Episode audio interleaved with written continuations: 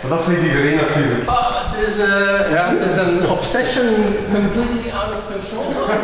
Nee. Maar, eh, ja.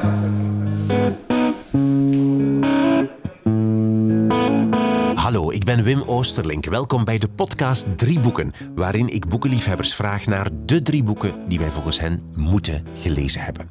Abonneer je op deze podcast als je dat nog niet gedaan hebt, door op abonneer te drukken in de podcast-app waar je nu aan het luisteren bent. Zo mis je geen enkele aflevering. Mijn gast in deze aflevering is Peter Hinsen, geboren in 1969, technologieondernemer en keynote speaker. Hij heeft verschillende start-ups opgericht, geleid en soms weer verkocht. Hij is volgens iedereen die hem ooit één keer aan het werk heeft gezien, veruit de beste spreker van ons land. Hij reist de wereld rond om te spreken en bedrijven kennis te laten maken met digitalisering en nieuwe technologieën. En hij geeft ook les aan verschillende businessscholen. Ik heb gereden langs landelijke wegjes, velden, oneindige kasseistroken om aan te komen op mijn bestemming. In Mater, een deelgemeente van Oudenaarde in Oost-Vlaanderen, in de buurt van waar Peter Hinsen woont. Hij had mij uitgenodigd in een kapel die hij gekocht heeft en die hij schitterend ingericht heeft als zijn werkplaats en privé Apple Museum. De naam van de kapel, de Apple Chapel. Jawel, hij vertelt het zo meteen zelf. In deze half sacrale sfeer gingen we zitten aan een tafel boven in de kapel en vertelt Peter Hinze over hoe hij als kind enorm veel las in België en in Amerika, waar hij deels opgroeide. Over het boek dat zijn wereldbeeld voor altijd veranderde. Een wereldbeeld waarin Europa en het Romeinse Rijk centraal stonden. Over deadlines, technologie en Apple natuurlijk. En over het boek dat hem inspireerde om zelf een bedrijf te beginnen. Alle details over de boeken en de auteurs die we noemen in deze aflevering vind je in een lijstje op de website wimoosterlink.be onder het kopje podcast drie boeken. Dat zijn de show notes van deze podcast. Peter Hinsen had mij vooraf een lijst van 30 boeken doorgestuurd, dus ik ben streng moeten zijn. Veel luisterplezier met de drie boeken die je moet gelezen hebben, volgens Peter Hinsen. Ja, we, zitten in de Apple Chapel. Ehm, ik heb een kerk gekocht eh, twee jaar geleden. Eh, tien minuutjes van waar ik eigenlijk woon, Zuidoost-Vlaanderen. En eh, per ongeluk bij de notaris zag ik een annons gehangen, kapel te koop.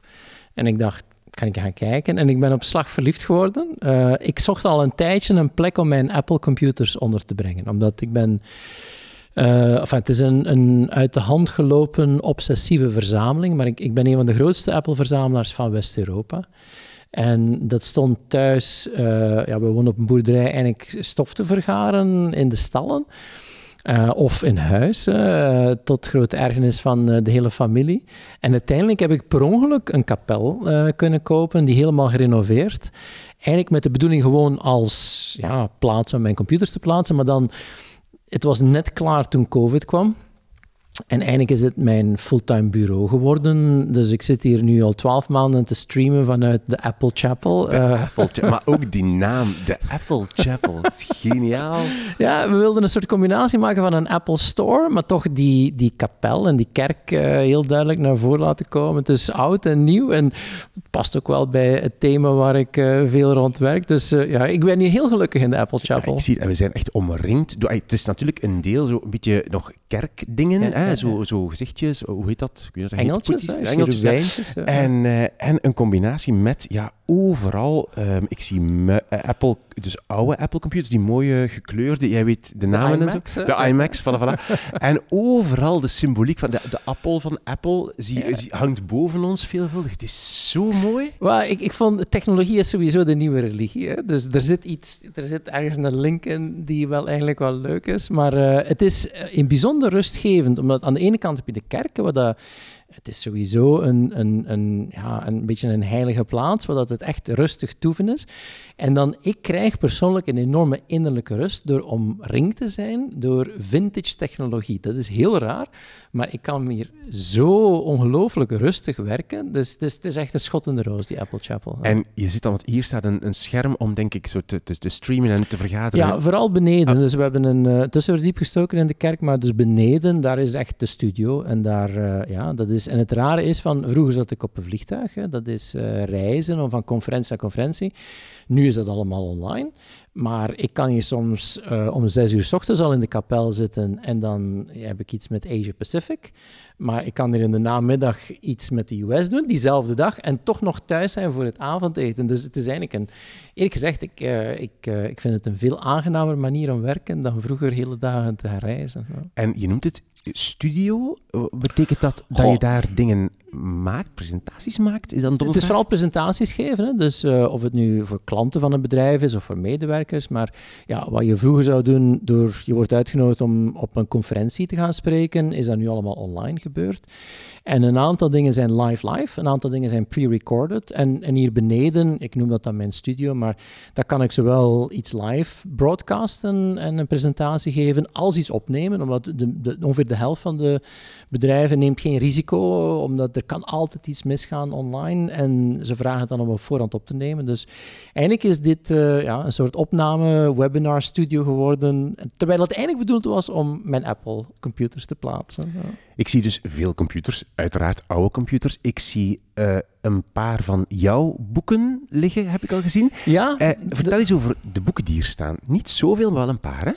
Wel, de boeken die hier staan, dat zijn echte computerboeken of de boeken die met technologie of innovatie of computers te maken hebben. Uh, een aantal daarvan zijn natuurlijk ook wel de technical manuals, omdat ik, ik bewaar de computers. Hè. Die probeer ik zo goed mogelijk in, in, in in, in werkende staat te houden, wat niet evident is, want dat is gelijk een oude auto. Er valt altijd wel iets omver en, en er valt iets uit. En zeker, ja, dat is toch uh, technologie die 30, 40, soms 50 jaar oud is. Dat is al vrij oud om uiteindelijk nog uh, levendig te houden. Maar ik probeer de computers in zo goed mogelijke staat te hebben. Maar dan ben ik ook alles gaan verzamelen wat met de literatuur daar rond te maken heeft. Dus de boeken over Apple of de boeken over Steve Jobs, maar ook de boeken over de computers, de technische handleidingen, de documentatie, uh, de affiches uh, en, en, en een aantal hele rare objecten, uh, maar dus misschien voor mij het meest emotionele waardevolle dat hier ligt, dat zijn de jaarrapporten van Apple. Dus een bedrijf die, zoals Apple op de beurs genoteerd is, die moet elk jaar een jaarrapport maken. En, en dat is eigenlijk een heel uniek document, omdat aan de ene kant de, helft daarvan zijn cijfertjes, hè, dat zijn financiële rapporteringen, want dat heb je nodig om aan een analist op de beurs uit te leggen waar je mee bezig bent. Maar er zit ook een narrative in, er zit een verhaal in. Hè. En dat is een heel mooi iets, omdat als, um, neem nu een tumultueus jaar als 1984, dat is, dat is het jaar in de geschiedenis van Apple. In 84 in januari komt de Macintosh uit, wat uh, toch echt verbijsterend is op welke manier dat dat eigenlijk uh, de, de, de wereld van computing heeft veranderd. Want dat eerste computer met een muis en een grafisch scherm, heel mooi machine. 1984 is gedaan. Hè, en dan duurt het tot de zomer van 1985 tot dat jaarrapport er is. Want de cijfers moeten goedgekeurd worden, er moet nog een audit erop en een hele analyse. Maar het leuke is, of het spannende is, is dat tegen dat dat jaarrapport dan ongeveer in het midden van 85 uitkomt, het jaarrapport 84, op dat moment zijn er al enorme strubbelingen en een beetje later wordt Steve Jobs de laan uitgestuurd. En dan zie je in dat jaarrapport eigenlijk al die narrative en die spin en die subtiele nuances van communicatie op eigenlijk al voor te bereiden wat er eigenlijk staat. Oh, dat is fantastisch. Hè? Dus ik ben nu uh, goh, een jaar of tien geleden daar op, uh, gevallen. En ik heb nu elk jaarrapport sinds het allereerste. Zelfs de prospectus waar Apple mee naar de beurs gegaan is, dat is een, een document van Morgan Stanley, waar ze eigenlijk probeerden uit te leggen de wereld van wie zijn dat Apple computers en wat gaan die doen. Als je dat leest, dat is hallucinant, want dat is een soort verkrachting van wat er uiteindelijk dan later gebeurd is. Maar ooit, en dat zal voor mijn pensioen zijn, denk ik, maar hoop ik dat ik eigenlijk de, de geschiedenis van Apple door al die jaarrapporten en de filter die ze hadden, eigenlijk wil gaan reconstrueren. Maar de jaarrapporten, dat is een van de mooiste dingen die hier in de verzameling zitten. Oké. Okay. Hm? Uh, vertel eens over lezen. Lees je veel? Lees je graag? Hoe, hoe gaat dat bij jou? Ik, um, kan je tussen iets van mijn thee drinken, Santi? Ja, ja, ik las heel veel. Uh, ik lees nu veel minder. Ehm, als kind was ik een, uh, een, een ongelooflijke veelvraat van, van lezen. Dat is, uh, van kinds af aan is dat er bij ons ook wel inge, ingeburgerd geraakt, maar ik las enorm veel. Dus ja, dat is uh, in bed kruipen met een boek en, en ineens zien van oei, het is al half twee en, en denken van oei, morgen is het weer school. En en dat, is, dat ben ik blijven doen. Alleen zie ik dat de, sinds ik eigenlijk beginnen werken ben, dan is veel van de dingen die ik lees toch functioneel. Hè? Dat zijn dan dingen die uh, interesseren rond mijn topic, rond innovatie of technologie. Dus de, de fascinatie voor gewoon een boek pakken en beginnen lezen, dat is er een beetje uitgegaan, gewoon omdat de tijd er niet is. En, en, zeker de laatste jaren probeerde ik van het reizen gebruik te maken om te lezen. Omdat ik zat vaak op een vliegtuig. We gingen veel naar China, veel naar de Verenigde Staten. Dan zit je toch acht, negen, tien uur soms ja, en dan, dan heb je elke aflevering van de Big Bang Theory wel gezien. Hè? En dan denk je van, poeh. En dus dan gebruikte ik eigenlijk om te lezen. En op mijn Kindle stonden er altijd drie, vier boeken dat ik dacht van, die moet ik nu gelezen hebben. Maar dat was natuurlijk heel functioneel. En nu zie ik inderdaad met corona dat het eigenlijk naar helemaal bijna nul teruggebracht is. Omdat de, het is nu drukker dan ooit met al die webinars. En, en de tijd is er gewoon niet, omdat als je eventjes niet naar dat scherm gekeken hebt, dan wil je wel eens helemaal iets anders doen. Hè? dus uh, eigenlijk was het reizen een ideale manier om bij te lezen. Ehm, maar het grote verschil is wel dat het de laatste jaren heel functioneel lezen geworden is. Je zei dat je als kind heel veel las en je zei ook dat dat gestimuleerd werd. Op welke manier? Wie stimuleert dat dan? Wel, mijn, mijn, mijn ouders, die, uh, mijn moeder, daar heb ik de, de liefde voor het lezen wel gekregen. Dat was iemand die nog altijd een enorme liefde heeft voor, voor boeken en, en voor verhalen. En ja, lezen werd enorm aangemoedigd. En ja, als je je moeder constant ziet lezen, er lagen altijd drie, vier boeken op, op, uh, op de tafel waar ze in aan het lezen was. En, en mijn moeder die schreef dan ook van alles altijd bij. En dat is gewoon, ja, dat heb ik overgenomen. Mijn vader, daar heb ik de technologische insteek van gehad. Mijn vader was niet zo'n grote lezer, maar was wel iemand die, verhaal, die, die gefascineerd was door verhalen en, en vertellen. En, en, en zeker die liefde voor het technologische. En, en die combinatie heeft dan toch een beetje gekleurd waar je uiteindelijk op uitkomt. Hè. Maar mhm. als kind was het uh, echt een fascinatie en zeker uh, een trip naar de bibliotheek, dat was, uh, dat was het summum. Hè. Dat was, Want je bent opgegroeid in, in Californië. Hè? Heb je het daar nu over, over die periode? Of is het daarna? Ik ben geboren in België. Dan zijn we naar de Verenigde Staten gegaan toen ik jaar of zes was. eerst in het diepe zuiden, in Louisiana, in Baton Rouge. Zijn we teruggekomen naar, naar België. En toen ik elf was, zijn we weer verhuisd naar de Verenigde Staten en dan naar Californië. Maar uh, ja, die periode tussen 6 en 11, waren we, of tussen 7 en 11 waren we weer in België. En dan, dan, ja, dat was de bibliotheek echt uh, een, een, een, een, sanctuary. Dat was uh, een fantastische plek. Maar ook in de Verenigde Staten, ik heb daar toen ja, in het Engels beginnen lezen, omdat ik ben naar een gewone high school gegaan, dus een, een publieke school. En ja, je, je, we hadden wel een assimil-cursus gedaan om een beetje bij te gaan, maar je wordt er dan echt ingedumpt als je naar seventh grade gaat.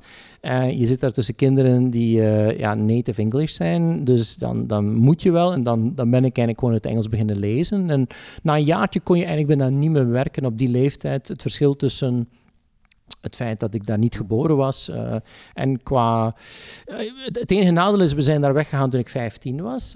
Um, en ik merk soms dat mijn vocabulaire daar een beetje gestopt is in het Engels. Omdat uh, ja, ik heb veel gelezen en, en de, gewone ja, manier van, van doen en laten en gaan. En je praat gewoon. Maar ik praat nog altijd soms met dat vocabularium van een 15 jaar. Wat zeg je dan zoal? maar, maar ik merk van een aantal woorden ga ik gewoon niet gebruiken, omdat dat zijn waarschijnlijk typisch meer woorden die je aan de universiteit gaat gebruiken of als je een paper moet schrijven. Dus als ik iets schrijf, dan is dat vaak heel normaal Engels. Hè? En veel van die fancy woorden zitten er gewoon in, want ik heb dat eigenlijk nooit professioneel of academisch gebruikt. Perfect. Ja. En heb je, heb je thuis ook nog een, nog een boekenkast staan? Uh, Ons huis staat vol met boeken. Uh, dus um, ik, ik, ik krijg soms wel eens het verwijt dat ik meer koop dan ik lees, which is probably the case. Uh, en dan weten ze waarschijnlijk nog half niet wat er op mijn Kindle ongelezen staat. Dus die, die boekenkast is daar een exponentje van. Hè. Maar die verzamelwoede zit, er, uh, zit erin. Dat is niet alleen met Apple-computers, dat is uh, vaak ook met boeken. Ik vind dat mooi, boeken. Ik vind dat uh, rustgevend, ik vind dat aangenaam. En het idee, ik heb het vaak gehad de laatste jaren waar ik een boek lees en ik denk van, wauw, dat was echt super cool. Uh, die heb ik op mijn Kindle in één ruk uitgelezen. Ik lees die nog eens opnieuw. En dan denk ik van, die is zo mooi, die ga ik ook kopen. En dan zet ik die in mijn boekenkast, terwijl ik hem eigenlijk al twee keer online gelezen heb of digitaal gelezen heb. Dus ja, het, het, uh, het fysieke van een boek heeft wel iets, vind ik. Oké, okay, we gaan eens kijken naar de drie boeken uh, die je gekozen hebt.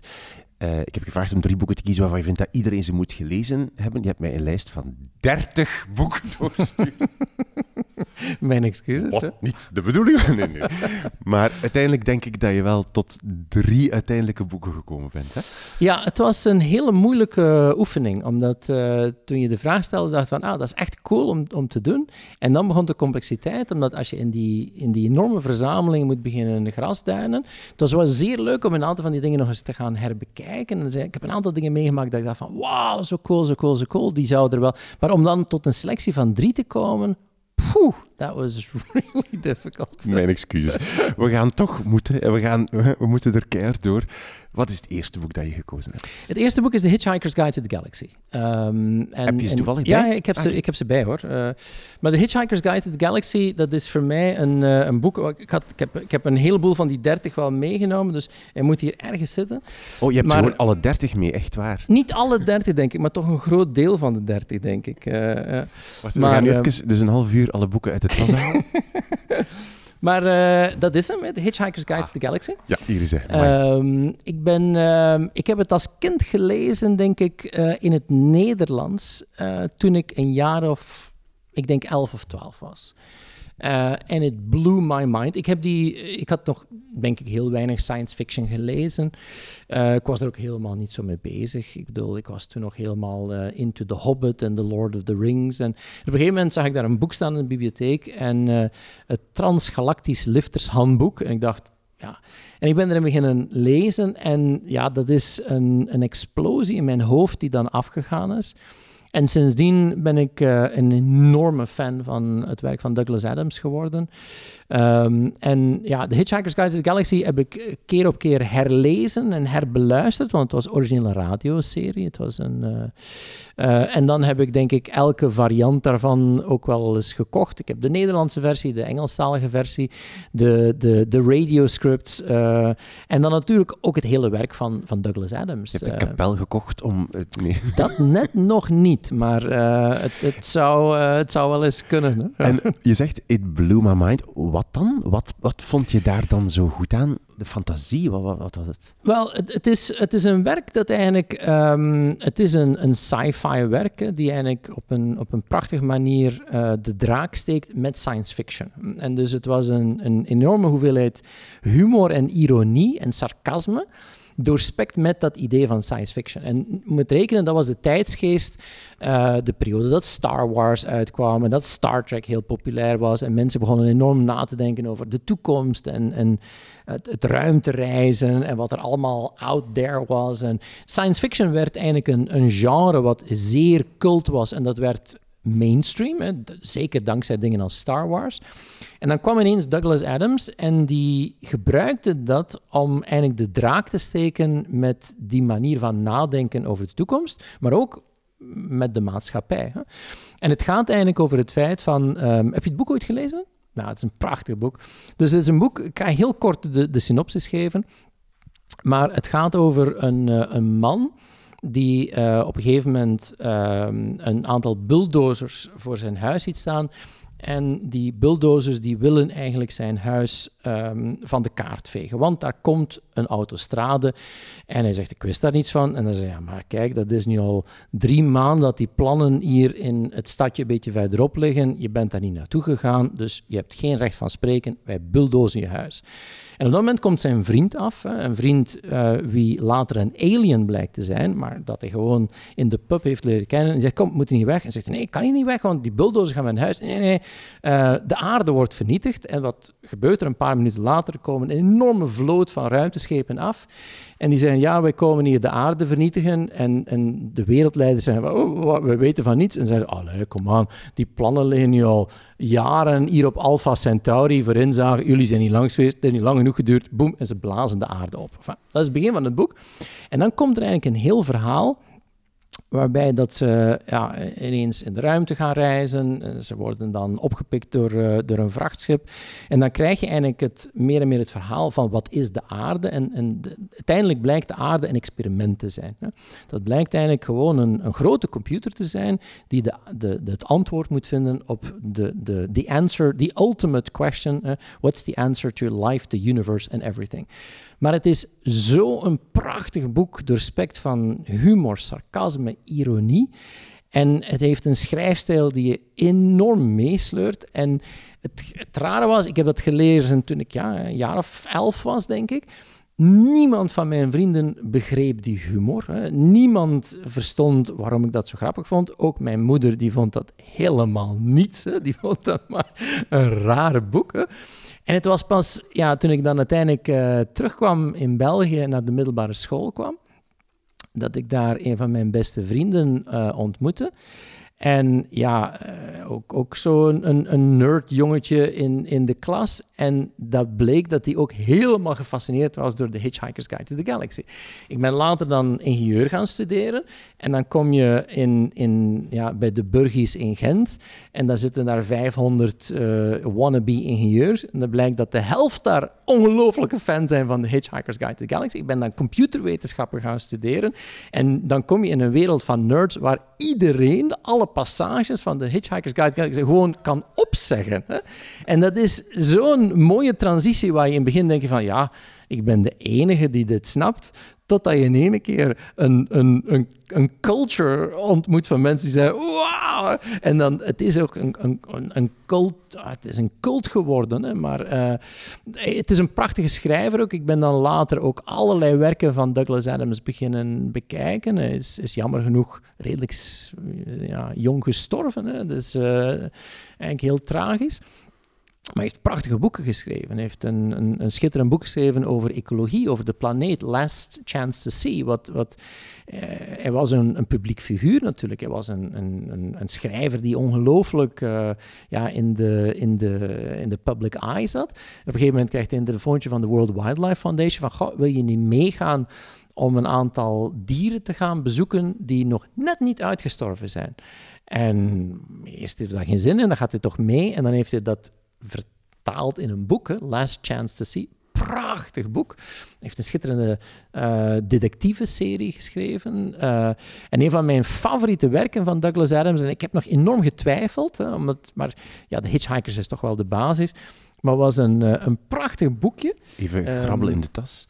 Ja, ik ben hier aan het zoeken wat er ligt. Maar um, uh, ja, deze ligt bovenaan. The Meaning of Life.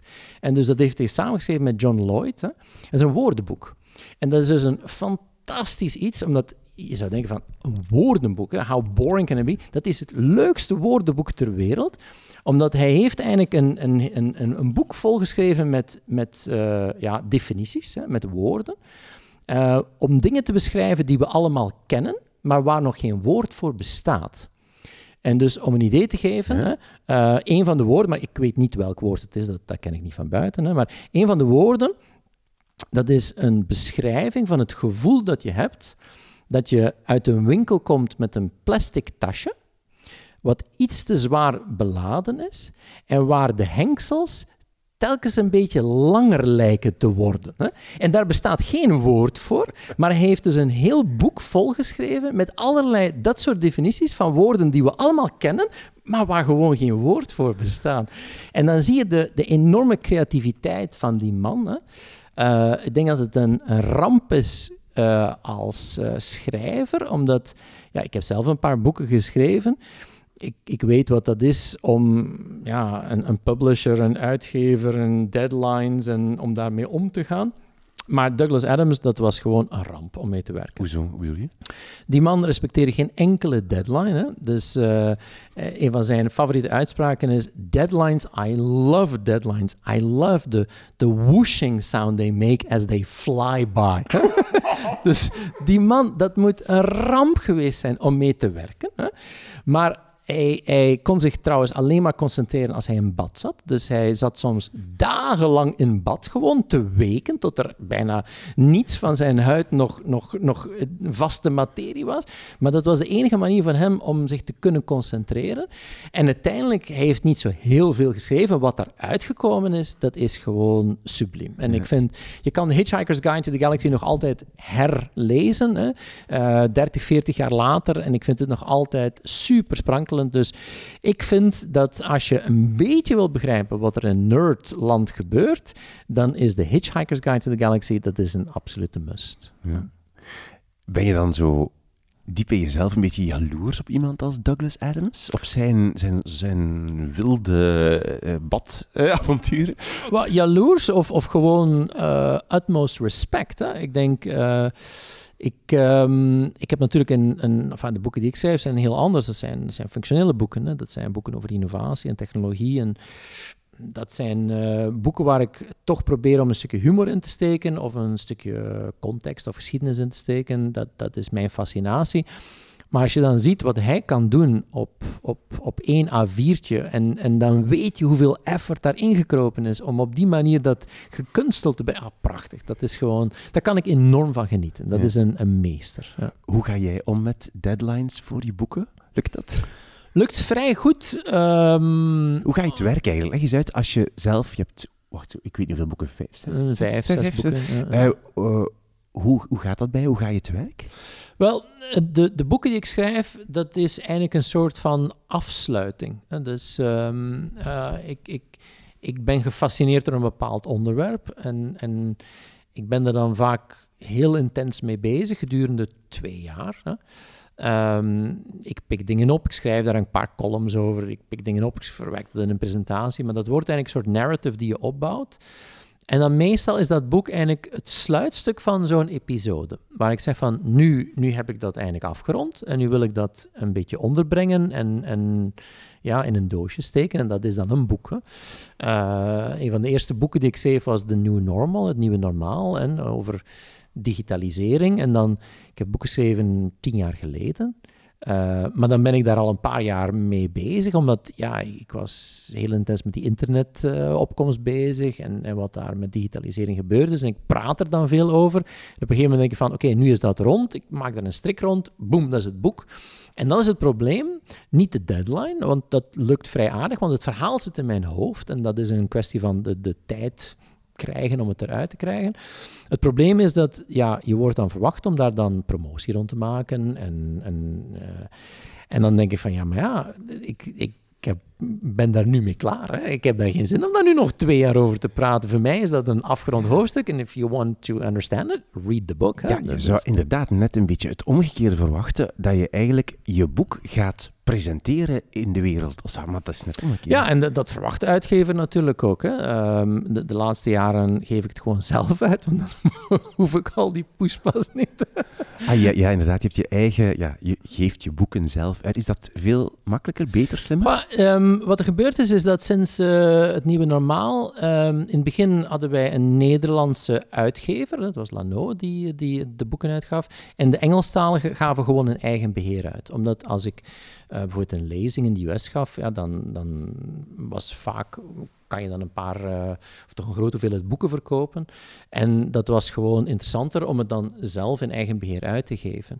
Um, we hebben daar dan een beetje mee geworsteld, omdat op een gegeven moment heb ik een boek, uh, The Network Always Wins, rond netwerkeffecten, via McGraw-Hill in de US uitgegeven. Maar dat was toch een, een hele trage manier van werken. Omdat ja, zo'n publisher, die hebben ook processen. En, en omdat dan uiteindelijk uh, allemaal...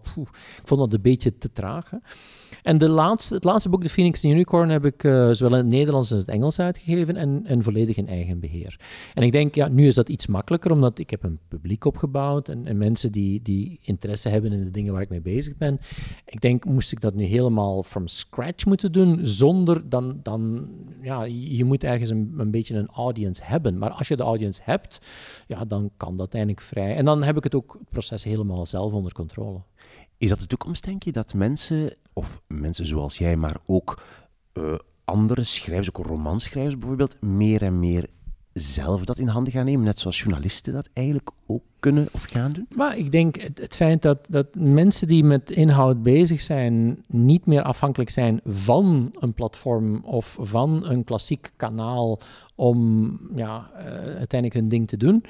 Ja, ik denk dat is een soort democratisering. Hè? En, en of dat nu een journalist is, of dat dat nu een blogger is, of, of iemand die creatief met video iets op YouTube of TikTok kan plaatsen. Ik denk, er is een enorme uh, laagdrempeligheid gekomen, uh, met toch een heel hoog professioneel niveau. Je kan vandaag perfect een, fantastische podcast of, of, een, of een video uh, content maken, very high quality. En, en ja, dan vind je wel een publiek. En hetzelfde voor een boek. Hè. Het is, uh, ik zie veel mensen die nu eigenlijk zeggen van, goh, ik zou altijd wel eens een boek willen schrijven en uiteindelijk het dan doen. En vandaag is die, is die drempel veel, veel lager natuurlijk. Hè. Ja. Jouw eerste boek was Douglas Adams, The Ultimate Guide, uh, The Hitchhiker's Guide to the Galaxy. Hier staat een ja. andere, The Ultimate Hitchhiker's Guide. The Hitchhiker's Guide to the Galaxy, dat is hem. Wat is jouw tweede boek? Mijn tweede boek, um, dat is um, een, uh, een boek van Kevin Kelly, uh, What Technology Wants. Ja. En daar moet ik misschien een beetje context bij geven, omdat uh, Kevin Kelly um, was de hoofdredacteur van Wired Magazine. Dus ik heb uh, als jeugdzonde uh, een paar artikelen voor Wired Magazine geschreven, uh, lang, lang geleden. Waarom zonde? Wow, ik, ik, ben, ik, ben geen, ik ben geen journalist, ik ben geen... enfin, het was, ik wilde dat absoluut doen. Ik, Wired Magazine was een... ik vond dat een, een, fantastische publicatie, omdat toen het internet en World Wide Web opkwam in de midden jaren negentig, had je een, een, een, aantal mensen die echt early believers waren. En dan was er maar één magazine dat je moest volgen, dat was Wired Magazine. In Wired Magazine had je de coolste dingen, de nieuwste technologie, uh, crazy businessmodellen. Maar als je ergens wilde proeven van wat er toen eigenlijk aan het veranderen was, dan moest je Wired Magazine gaan lezen. En de mensen die daar uh, aan het hoofd stonden, en Kevin Kelly was de, de founding uh, editor, dus hij was de hoofdredacteur, um, die kwamen eigenlijk uit een een aantal verschillende subculturen. Hè. Maar dus een van de subculturen uh, waar Kevin Kelly uitkwam, was een beetje die hippie-mentaliteit, die zeker in, in Silicon Valley en San Francisco, San Francisco was de hippie-stad bij uitstek, maar die, die, die regio rond San Francisco, uh, met uitbreiding dan Silicon Valley, daar kwam eigenlijk technologie en innovatie samen met een hele free-spirited uh, cultuur, een, een, een hippie subculture. En Kevin was daar uh, een exponent van. Uh, Kevin was uh, een van de mensen die meegewerkt hebben aan de Whole Earth Catalog. Hè. En de Whole Earth Catalog, hij ligt hier trouwens, um, ja, dat is voor mij een van de meest fascinerende boeken die ik ooit gezien heb. Of boeken, ja, dat was eigenlijk een soort catalogus. Maar dat was, um, ja, in Amerika had je de Sears Catalog, waar je dus bijvoorbeeld van het warenhuis Sears dingen kon bestellen. Hè. Of het nu botten waren, of, uh, of, of, of, handdoeken, of, of, of, uh, of onderbroeken. Maar die hadden dan de Whole Earth Catalog gemaakt. Een beetje met die hippie insteek. En daar kon je artikelen hebben over urban farming maar over uh, hoe dat je transistorschakelingen moest gaan solderen, of uh, hoe dat je in de wilderness kon surviven door alleen maar besjes te gaan eten, of hoe het communisme eigenlijk de wereld ging redden of verdoemen. we echt een totaal amalgaan van weirdo stuff. En die Whole Earth Catalog zo'n dik boeken, dus echt een, een duim dik, met ook de meest krankzinnige advertenties in van mensen die alles aanprezen. En het was de whole Earth Catalog. En in die hippie subculture uh, kwamen mensen als Kevin Kelly naar voren. En Kevin is dan begonnen met Wired Magazine. En ik heb toen hem meegemaakt als hoofdredacteur. Dus ik was uh, jonge ingenieur. Ik werkte bij Alcatel in Antwerpen, Alcatel, de Bel in Antwerpen. En uh, schuchtere mailtjes sturen naar de, de grote meneer Kevin Kelly. En die zag wel iets in mijn verhaal en daar heb ik een paar artikelen mogen schrijven. Hij was een, een zeer lastige man als hoofdredacteur. Ik bedoel, ik heb hem toen echt als een, uh, een tough cookie leren ervaren. Maar gaandeweg heb ik dan ja, enorm gefascineerd geraakt door, door zijn verhaal, omdat hij keek naar technologie op een totaal andere manier dan de technologen, omdat hij uit die, uit die hippie-cultuur kwam. Hè. Het was iemand die bijvoorbeeld, om een idee te geven, die woonde in San Francisco. Uh, die was elf maanden op een jaar totaal met de nieuwste, nieuwste, nieuwste dingen bezig. Schreef daarover, had er een fantastisch magazine over. Maar hij had een vriend, die, uh, dat was iemand van de, de, de, de Amish community, dus de Pennsylvania Dutch. En dan ging hij een maand bij zijn vriend logeren, waar er niet alleen geen internet was of geen wifi, maar zelfs geen elektriciteit. Hè. Dus Kevin was iemand die dan elf maanden per jaar in de toekomst leefde en dan één maand per jaar 200 jaar terugging om, om op zo'n koets en een paard te gaan zitten. Uh, hij heeft ook zo'n een Amish baard. En heeft een aantal prachtige boeken geschreven. Hij heeft, heeft, denk ik tot begin jaren 2000 Wired Magazine geleid. En dan had u dat ook al gezien. En die heeft een aantal prachtige boeken. En voor mij is dit een van de meest fascinerende boeken. Dus What Technology Wants, dit boek. En What Technology Wants is een, een verhaal dat opnieuw een, een, een soort mind-blowing effect had op mij. Hè. Een beetje een hitchhikers, maar dan op een totaal ander niveau. En de, de basisstelling die Kevin stelt is van... Stel nu dat technologie niet door ons is uitgevonden. Hè? En hij zegt van, niet dat het aliens geweest zijn of zoiets, hè? maar wij mensen, wij, wij zijn altijd zo trots van, wij zijn degenen die technologie hebben uitgevonden. En hij zegt, als het nu eens omgekeerd was, wat als technologie eigenlijk de stuwende kracht is, hè? in het evolutionaire denken. En dat wij mensen maar een klein schakeltje zijn om dat nu naar het volgende niveau te brengen. En dat was zo een total mindfuck, hè, waar je denkt van, wauw, in plaats van wij die ons op de borst slaan van, wij hebben wiskunde uitgevonden en we hebben mechanica uitgevonden en we hebben computers uitgevonden, wij hebben technologie gemaakt. What if it's the other way around? En wij zijn gewoon de humble servants, hè, die gewoon dit nu één stapje verder zetten naar the next phase of technology. En dat heeft hij in ja, een, een dikke pil, hè, want het is echt een serieuze boek waar hij eigenlijk technologie, innovatie en evolutie leert, maar op een totaal andere manier in perspectief brengt. En dat vind ik, dat mankeert toch vaak een beetje in het verhaal dat we vandaag hebben. We zijn zo trots als mensen op onze rol en onze achievements. En we spenderen zoveel tijd aan ijdelheid en, en ons ja, te complimenteren op hoe goed we wel bezig zijn. Maar dit zet je zo in een nietige positie, hè? zonder over God te moeten spreken of over religie, maar eigenlijk te zeggen van wat is echt onze plaats in dat grotere geheel. Ik vind het een van de mooiste boeken die ik ooit heb gelezen. Ik, ga, ik snap het nog niet helemaal, dus ik ga nog even wat dingen vragen. Uh, eerst en vooral, is dit eigenlijk een roman? Of is het een, een, een manual? Of wat, wat, wat, voor boek is het? is geen roman, hè? Dus, ja. het is absoluut geen roman. Hij legt echt uit hoe dat het dan in elkaar zit. Ja, het is iemand die eigenlijk gewoon... Ja, Kevin zal nu in de 70 zijn, denk ik. Hè, op zijn 60ste een observatie maakt van wat hij eigenlijk meegemaakt heeft, wat hij gezien heeft. Hè.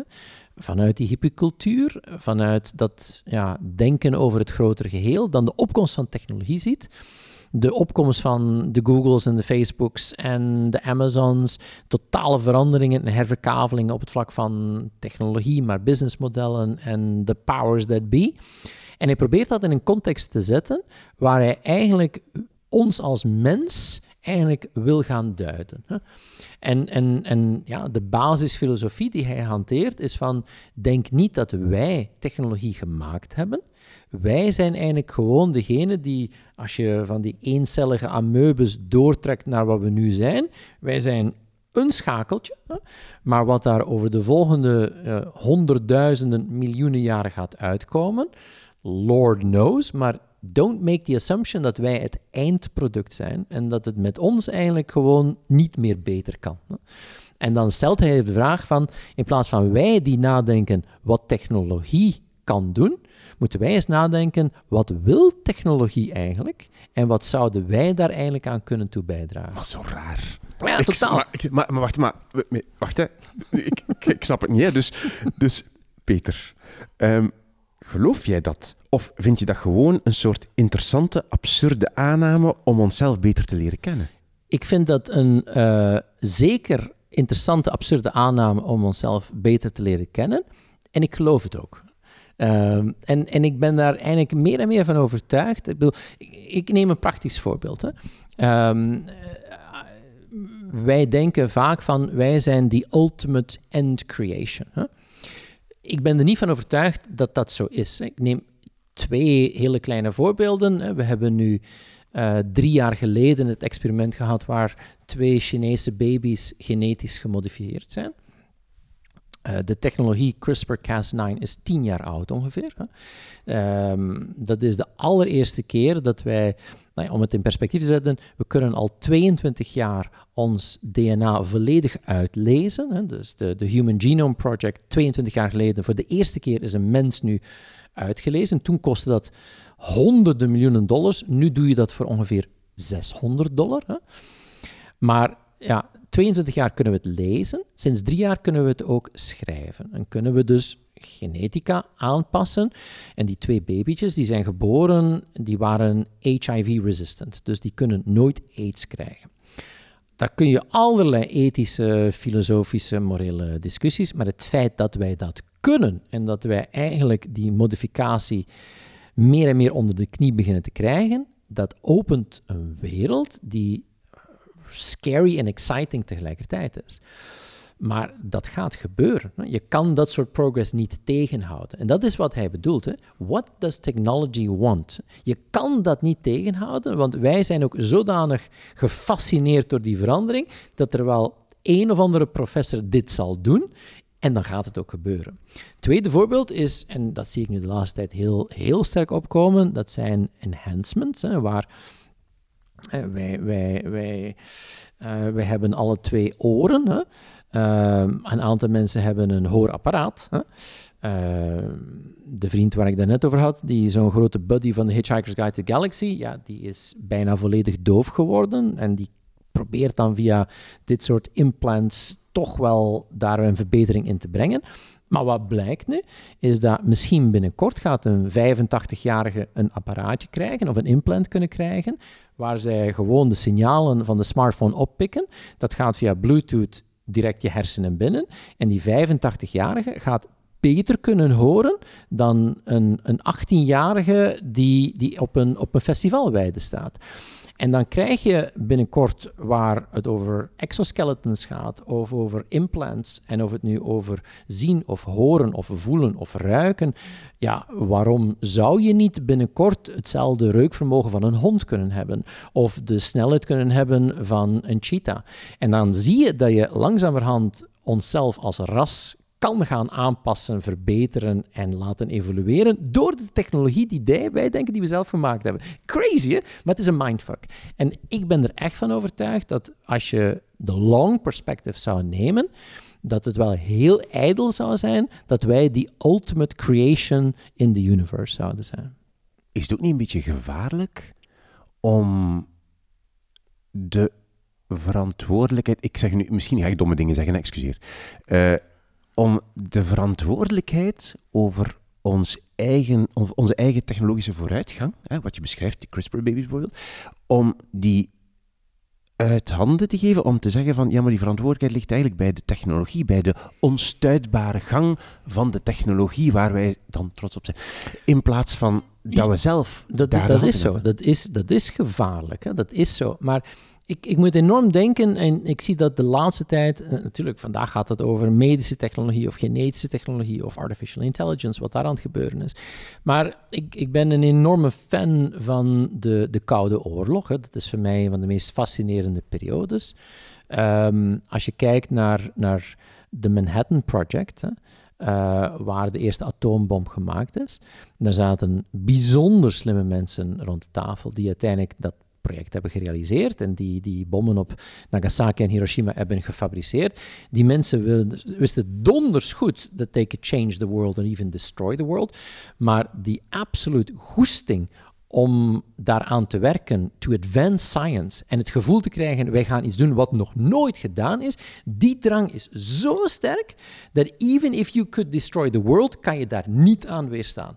En dat kan ik mij 100% voorstellen. Dus diezelfde goesting, die, die, en trouwens, dat was bijna een van de boeken waar ik ook enorm aan getwijfeld heb, maar ja, ik, ik ben een, een, ja, je moet kiezen natuurlijk, hè. maar um, uh, ja, er waren een aantal boeken bij die echt rond die periode ging, maar zwart. Maar eh, daar denk ik, de Manhattan Project is daar een prachtig voorbeeld van. Van mensen die, die inderdaad de gevaren zagen, die, die de reële dangers zagen that it might even end mankind. Maar toch is die drang om de wetenschap verder te zetten zo groot dat je daar niet aan kan weerstaan. Ik kan nog zo'n vraag stellen en dan stop ik. Uh, wat denk je, wat jij vertelt nu, wat dit boek vertelt, wat jij ook vertelt in jouw presentaties, wat jouw werk eigenlijk is, eh, namelijk bedrijven ehm, helpen om mee te zijn met de digitale en technologische vooruitgang. Ik hoop dat ik het goed samenvat. Uh, is eigenlijk gebaseerd op een soort vooruitgangsoptimisme. Ik denk dat dat een beetje de basis is van wat, wat je doet. Hè? Vooruitgangsoptimisme. Hè? Wat denk je van mensen die het daar niet mee eens zijn en die eigenlijk zeggen van bijvoorbeeld sociale media, het probleem dat we nu kennen met sociale media, uh, dat daar meer voorzichtigheid mee, geboden is, als dat de juiste uitdrukking is. Nee, nee, uh, begrijp je dat? dat, Ik begrijp dat en ik begrijp die concern, maar ik ben inderdaad een, een, een een perennial optimist. Ik blijf ongelooflijk enthousiast. En ik ben er ook van overtuigd dat er zoveel mogelijkheden zijn om de wereld beter te maken. En dat het jammer zou zijn om die niet te gaan benutten. En daar denk ik, uh, we, we, we haven't seen anything yet. Daar zitten we volgens mij nog echt maar aan het begin van. Het enige nadeel, en je ziet dat, is dat um, ik ben na The Hitchhiker's Guide to the Galaxy enorm veel uh, science fiction beginnen lezen en ook bekijken natuurlijk. Dat is, uh, ik denk van het lijstje van de 30 zaten er waarschijnlijk al zeker een derde sci-fi boeken tussen. En daar zie je dat het merendeel van de sci-fi boeken, die zijn dystopiën. Hè? Die gaan uit van een, een negatief uh, scenario naar de toekomst toe. Ik blijf de optimist, ondanks het feit dat er inderdaad heel veel mooie dystopische science fiction geschreven is. Denk ik dat wij met z'n allen daar uh, beter van kunnen worden. Ehm, de toegang natuurlijk zal niet uh, voor iedereen hetzelfde zijn. Er zullen inequalities zitten, er zullen heel veel ethische en morele en filosofische discussies zijn. Maar ik ben ervan overtuigd dat we die met z'n allen moeten hebben en dat we er met z'n allen beter van kunnen worden. Nou, als je kijkt naar wat er vandaag gebeurt met, met bijvoorbeeld uh, ja, de, de, de opkomst van de techgiganten, de macht die zij hebben ja, als je de geschiedenis erop naleest, 100 jaar geleden, 150 jaar geleden, hadden we net hetzelfde. Hè, want degenen die toen de, de spoorweg uh, in controle hadden, they were the richest people in the world. Zij controleren de wereldeconomie. Zij bepaalden wat er van A naar B ging. Zij werden rijker en rijker. En nu denk je van de spoorwegen. Ik bedoel, Jesus. en, en, en, en dan zie je bijna telkens in de geschiedenis keer op keer denken van, oh my god, dat is verschrikkelijk. Dat is, eh, en de macht en de concentratie. En then you move on to the next. Natuurlijk wordt het wel spannender, omdat ja, bij elke evolutie die we maken, wordt de kans dat we elkaar om zeep helpen groter en groter. Hè? Dus we probably have to be more careful. We moeten misschien iets meer naar het verleden kijken, maar dat doen we meestal niet. Hè? Maar het durven nadenken en durven challengen en vooral vooruitkijken, ja, dat zit in mijn bloed. En, en het optimisme. Um, ja, ik kan, ik kan enorm genieten van een enorme slechte dystopische sci-fi uh, roman, maar ik denk niet dat het zo gaat lopen. Ik denk dat dat gewoon verhaaltjes zijn. Ja. Oké, mooi. Ja, ik snap het nu veel beter. Kevin Kelly, tweede boek, What Technology Wants. Wat is jouw derde boek? Het derde boek is, um, en ik besef me nu dat ik eigenlijk geen roman heb. Hè. Dat, is, uh, dat zit er eigenlijk helemaal niet bij. Wat, de, de, de Hitchhiker's Guide to the Galaxy, een beetje een roman of niet? Goh, roman, ja. Het is een verhaal, hè, maar um, ja, het is, het is, het is, het is, een, uh, een humoristisch boek. Hè. Maar het derde boek is um, De Zijderoute, de Silk Roads van uh, Peter Frankopan. eh, A New History of the World. Eerste, er liggen drie dikke boeken, hè? Amai. Ja, het zijn drie dikke boeken, Ja, hè? ja. maar er zijn, er zijn ook wel kleine, dunne boekjes bij. Maar ja, de Bij- drie die ik gekozen 30, heb zijn... eh, ja, bij de 30 zijn er kleintjes bij, maar de drie finales zijn inderdaad dikke. Dat is een boek dat ik een paar jaar geleden heb eh, opgepikt. Ik ben een enorme geschiedenisfanaat. dat is... en dat vind ik eigenlijk het leuke, is dat ehm, ver naar de toekomst kijken, maar ook ver naar het verleden kijken, vind ik eigenlijk fantastisch. Die, die twee blikken vind ik eh, schitterend. Ik probeer dat ook altijd in mijn boeken op een bepaalde manier, daar een soort, eh, toch een stukje history in te brengen. Maar dat boek heb ik echt heel per ongeluk in mijn handen gehad. Ik denk dat ik het ergens in een luchthaven eh, van, van een van die bookshops meegegritst heb. En Peter Frankopan is een, is een, een, een ehm, eh, historicus.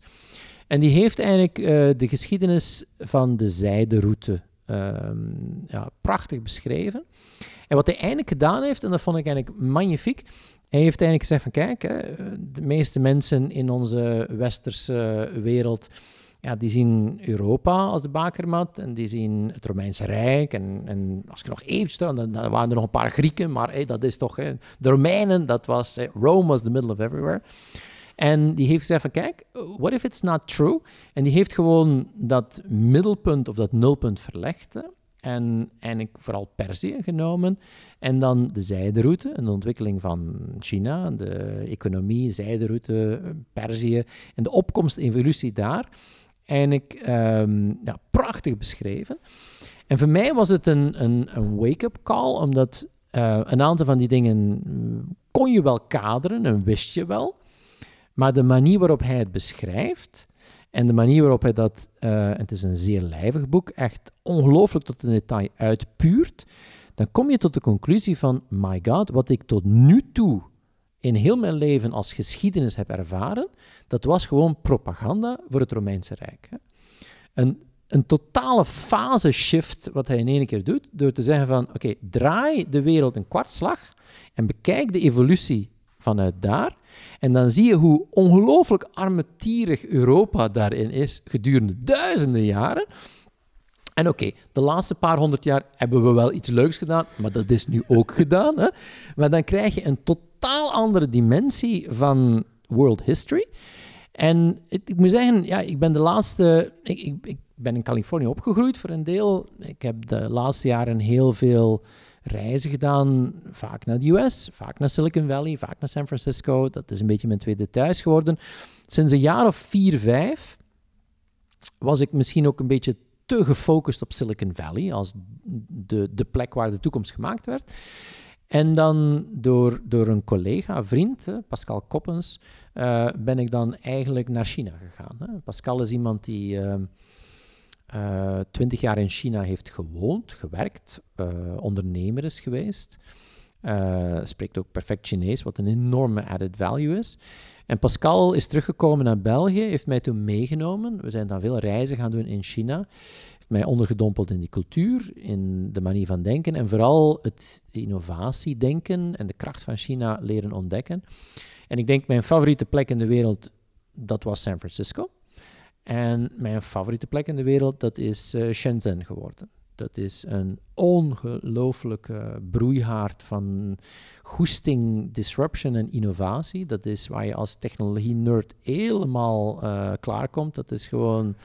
Uh, het is Hongkong de brug over en dan zit je in Shenzhen. Die stad is gebouwd eigenlijk door Deng Xiaoping om Hongkong te tonen dat mainland China iets kon doen wat Hongkong gewoon een boerendorp zou uh, maken. Which is exactly what happened. Echt? Het is een, een megastad, een ongelooflijke hub van innovatie. En als je ziet wat daar gebeurt, dan word je gewoon stil. Dat is uh, enorm indrukwekkend. Dus ik heb eigenlijk China leren kennen via Pascal.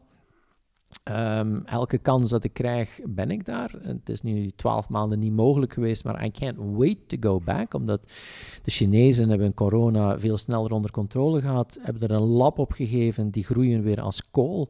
Uh, de innovatie die gaat daar gewoon ja, uh, aan, aan, een factor 3, 4 ten opzichte van wat er in het Westen gebeurt. En dan krijg je inderdaad het idee van, my god, wij kennen die wereld helemaal niet. We kennen die geschiedenis helemaal niet. Uh, als je kijkt naar dat boek van Frankopan, heeft dat op een briljante manier gedaan. Hè, want die zijderoute, ja, de Chinezen zagen zichzelf als de Middle Kingdom. Dat wil zeggen, zij zitten in het midden van de wereld. En de rest zit daar rond. Een beetje een Antwerpen en, en de parking, hè, het stad en de parking, maar dan op Chinees niveau. En als je dat boek ook bekijkt, dan begrijp je ook de manier en de filosofie die vanuit China vandaag uh, gebeurt.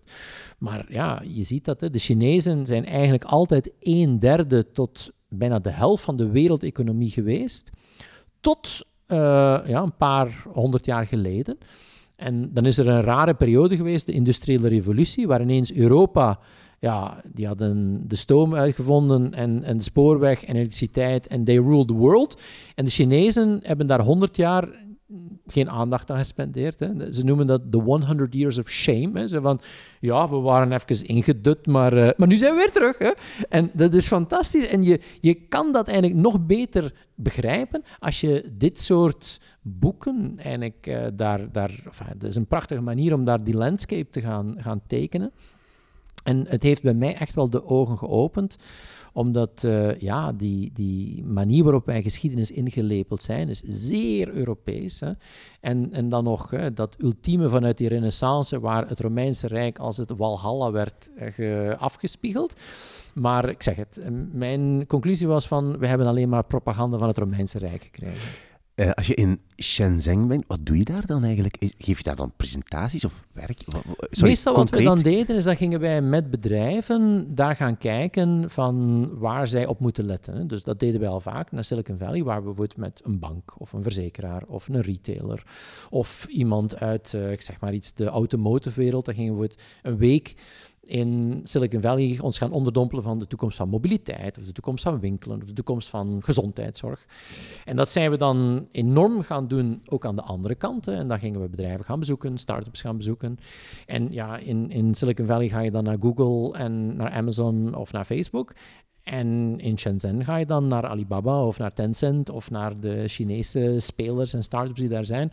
En daar zag je die, die drive, hè, die, ehm, eh, China is, is een land dat nu op twintig jaar tijd van uit de volledige armoede geraakt is en, en de tweede grootste economische macht ter wereld geworden is.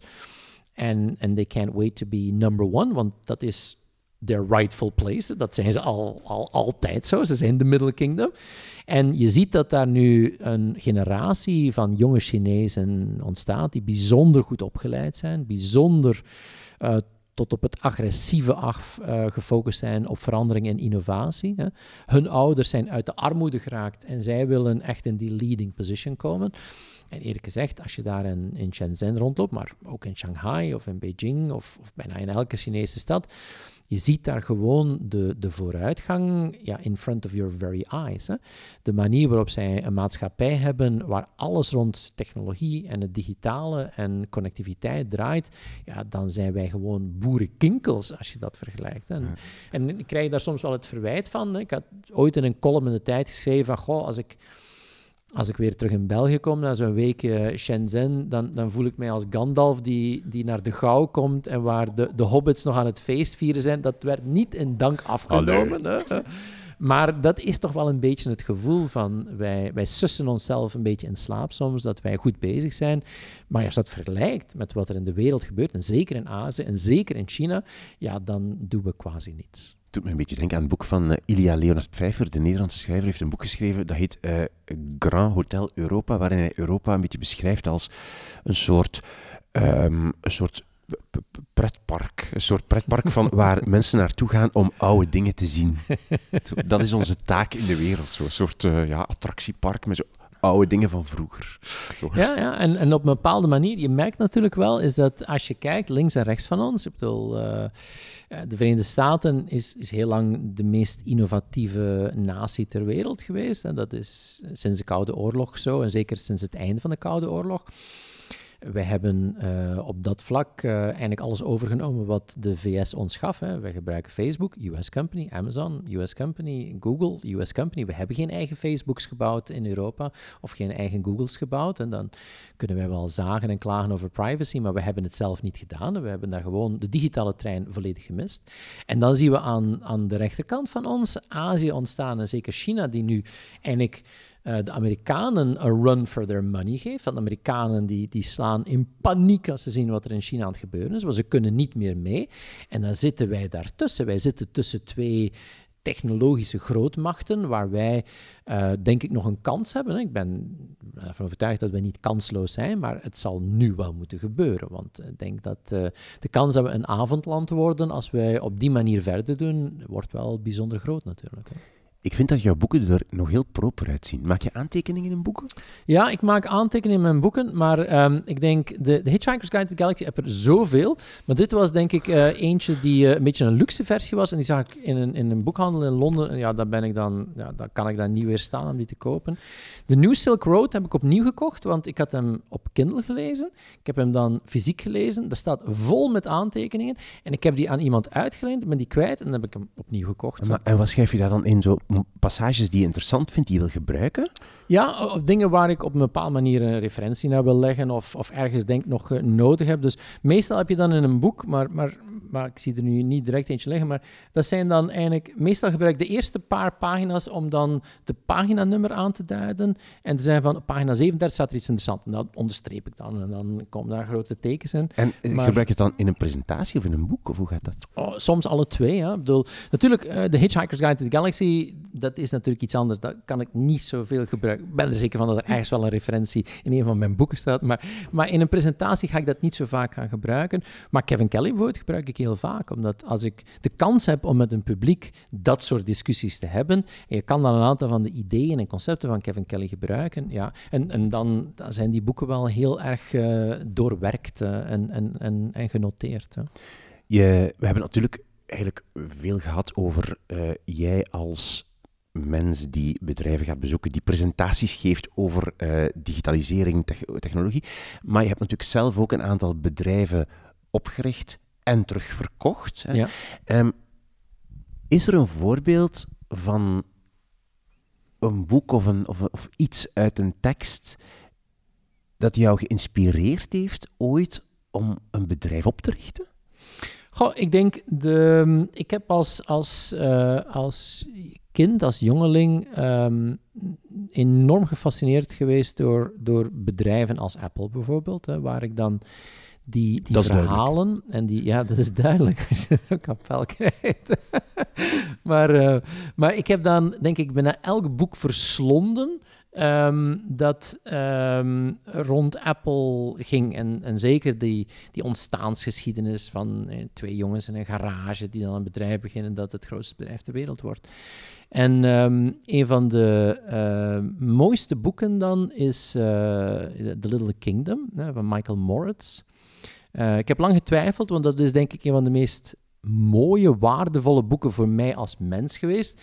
Maar daar heeft misschien niet iedereen een, een boodschap aan. Maar Michael Morris is een heel mooi verhaal, omdat hij was een journalist. was een uh, journalist voor Time Magazine.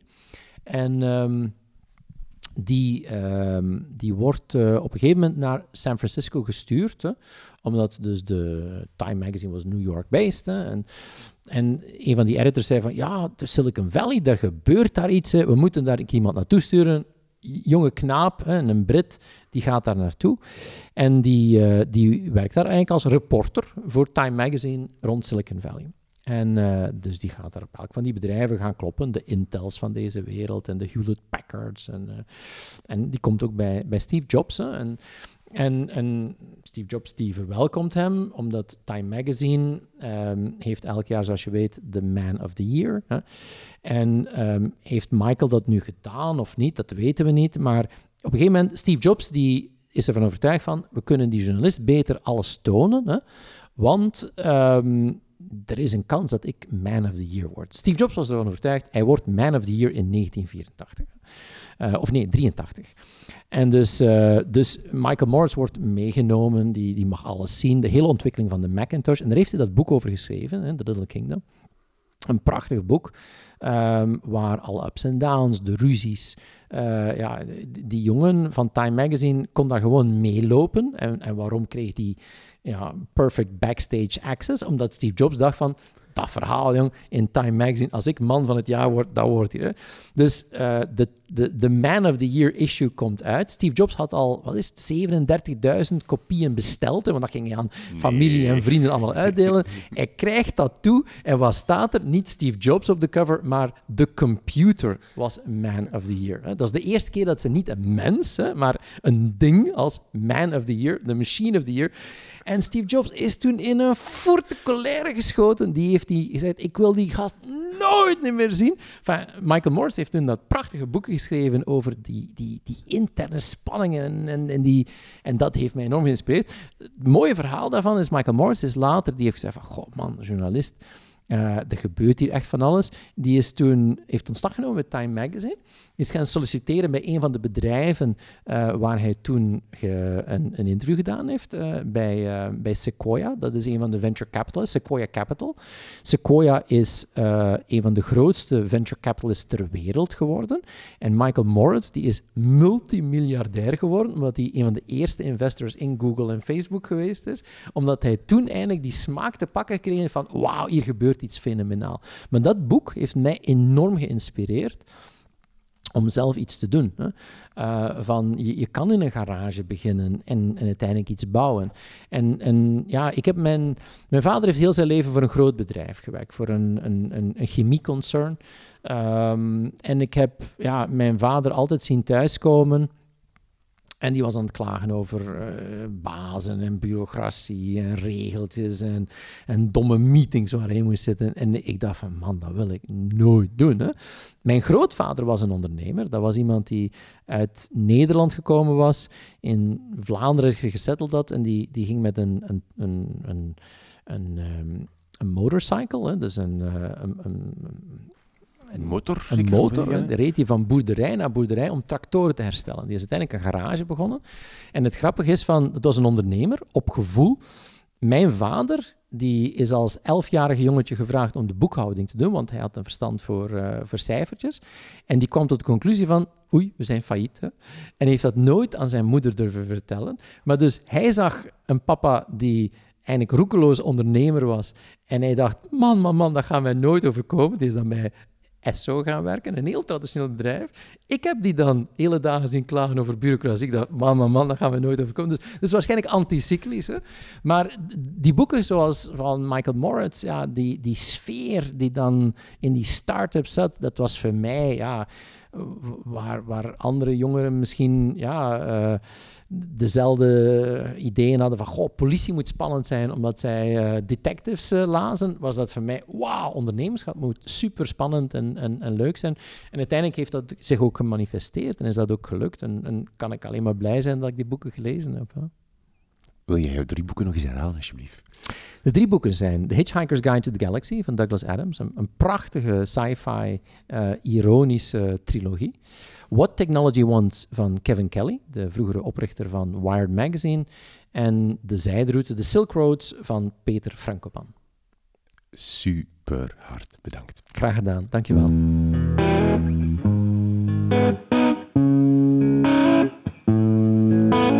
Dit was mijn gesprek met Peter Hinsen live vanuit de Apple Chapel in Oudenaarde in Oost-Vlaanderen. Alle info over de boeken die Peter gekozen heeft en over alle boeken en auteurs die we noemen in deze aflevering vind je op de website wimoosterlink.be onder het kopje podcast drie boeken. Daar staan de show notes bij deze aflevering en ook bij alle andere afleveringen van deze podcast. Mag ik je vragen om vandaag of morgen aan twee bevriende boekenliefhebbers te zeggen dat ze ook eens naar deze podcast moeten luisteren. Stuur misschien een berichtje met de link waar jij aan het luisteren bent. Zo help je om deze podcast en het boekenvirus verder te verspreiden. Ik ben Wim Oosterlink. Dit is de podcast Drie Boeken. Dankjewel voor het luisteren en tot de volgende keer.